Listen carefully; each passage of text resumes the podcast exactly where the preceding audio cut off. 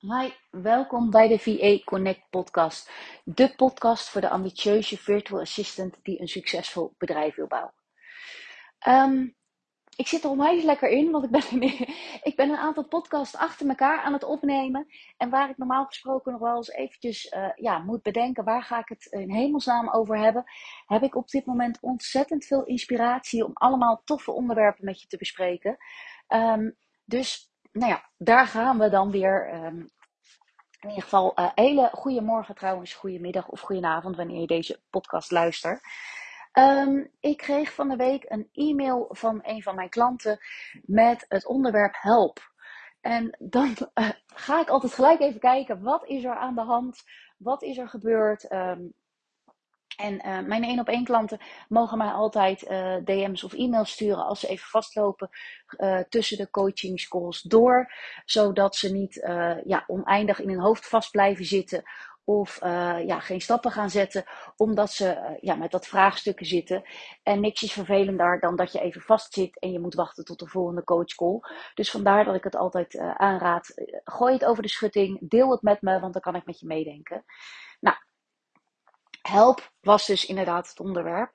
Um, en dat is een van mijn klanten. En we hebben net ook pas uh, de kick-off gehad. Uh, en misschien de eerste sessie. Ja, volgens mij de eerste sessie. Um, maar op dit moment heeft ze nog geen klanten. Daarvoor zit ze bij mij in traject. En um, er slaat wat paniek toe. Ze heeft namelijk een baan in loondienst aangeboden gekregen.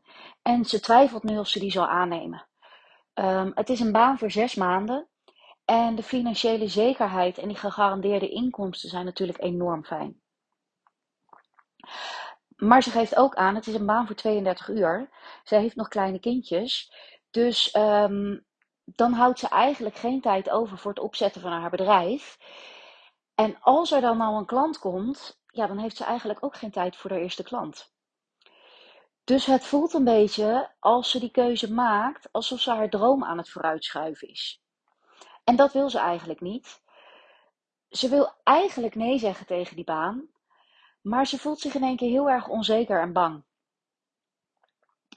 En ze vraagt mij om advies. En heel eerlijk, uh, het advies wat ik haar gegeven heb, is dat het een keuze is die ze zelf moet maken. Maar natuurlijk ga ik wel een aantal kritische vragen stellen. Um, ze geeft aan dat ze de financiële verantwoordelijkheid heel of financiële uh, garantie heel erg prettig vindt. Um, maar dat hoort ook bij het ondernemen, dat je minder financiële garantie hebt dan dat je die natuurlijk vanuit je baan in loondienst hebt. Um, zij zat in een, uh, zij werkte voor een, uh, dan moet ik het goed zeggen, zij werkte voor een bureau uh, als VA, dus wel als zelfstandige, maar wel voor een bureau. En dat voelde eigenlijk ook wel een beetje als loondienstbaan. En daar, uh, dat was ze helemaal beu, dus daar was ze mee gestopt. Um, waarbij ze inderdaad een aantal maanden buffer had om het uit te zingen. En nu zijn we dus bezig om haar bedrijf neer te gaan zetten om aan nieuwe klanten te komen. En die paniek slaat toe omdat ze op dit moment nog niet dat resultaat heeft. En dat is logisch, want we zijn net gestart. Um, ik beloof je sowieso, uh, ik kan je geen garanties geven natuurlijk met mijn programma.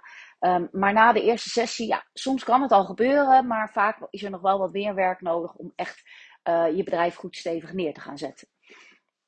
Um, dus de vraag die ik haar vooral stelde is: maak je een keuze vanuit angst of maak je een keuze vanuit vertrouwen? En er is geen goed of fout, maar maak in ieder geval keuze waar je volledig achter staat en ga van daaruit verder. Is de keuze dat je de baan aanneemt gemaakt omdat je denkt dat vind ik prettig? Laat het dan ook los en zorg ervoor dat je een plan maakt om alsnog met je bedrijf verder te kunnen. Dat betekent misschien dat je de komende zes maanden iedere dag een uur eerder op moet staan. Of het betekent dat je misschien af en toe een dag in het weekend moet blokkeren om met je bedrijf aan de slag te kunnen. Um, en als je zegt van ik wil toch vol voor mijn bedrijf gaan, betekent het ook dat je die angst zult moeten overwinnen en daar juist vol voor moet durven gaan, omdat je eigenlijk uh, een bepaalde financiële prikkel voelt, zodat uh, op het moment dat jouw buffer op is, dat je wel aan die klanten gaat komen. Um, de paniek slaat heel vaak toe op het moment dat we zelf uh, heel erg twijfelen of de keuze die we maken wel goed is. En vaak is er geen goed of fout.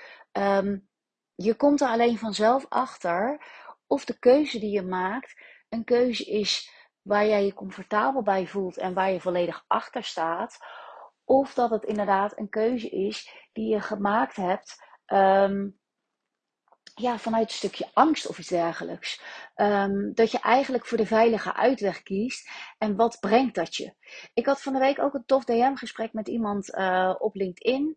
Um, die baalde vooral dat ze zei van ja, ik loop er tegenaan dat ik um, het vinden van een goede manier om klanten aan te trekken. En uh, ze twijfelde heel erg, want ze had een toffe mail, uh, of ze, ze, wilde graag een mail naar een aantal potentiële klanten sturen. Maar dat vond ze best een drempel dan uh, geef ik altijd aan van ja, weet je, er zijn wel honderd manieren om aan klanten te komen. Want dat is natuurlijk altijd wat iedereen wil weten. Hoe kom ik aan klanten? Ja, er is geen one size fits all. Er is geen uh, toverdrankje of tovermiddel wat ik in één keer kan uh, toedienen, waardoor jij in één keer vijf klanten aantrekt. Iedereen onderneemt op zijn eigen manier. Iedereen heeft een ander type klant, een ander type werkzaamheden. Um, dus de manier waarop je onderneemt verschilt ook van persoon tot persoon. En de manier waarop ik strategisch onderneem, hoeft helemaal niet de manier te zijn waarop het voor jou gaat werken. Sterker nog, ik weet wel zeker, want ik ben uh, coach en ik heb iedere maand nieuwe klanten nodig. Waarbij je als VA natuurlijk, als je langdurige samenwerkingen met mensen aangaat, um, op een heel andere manier um, kunt gaan ondernemen. En helemaal niet met webinars, e-books en dat soort dingen uh, aan de haal hoeft te gaan. Um, maar ik vroeg haar vooral van, joh, als je die e-mail gaat versturen, waarom voelt dat zo voor jou dan als een drempel? Waarom heb je dat nog niet gedaan? Nou, en ik kreeg als antwoord, ja, ik ben vooral bang dat als ik een e-mail stuur, dat, daar, uh, veel, dat ik daar veel tijd in stop, maar dat de klant het eigenlijk alleen maar heel irritant vindt.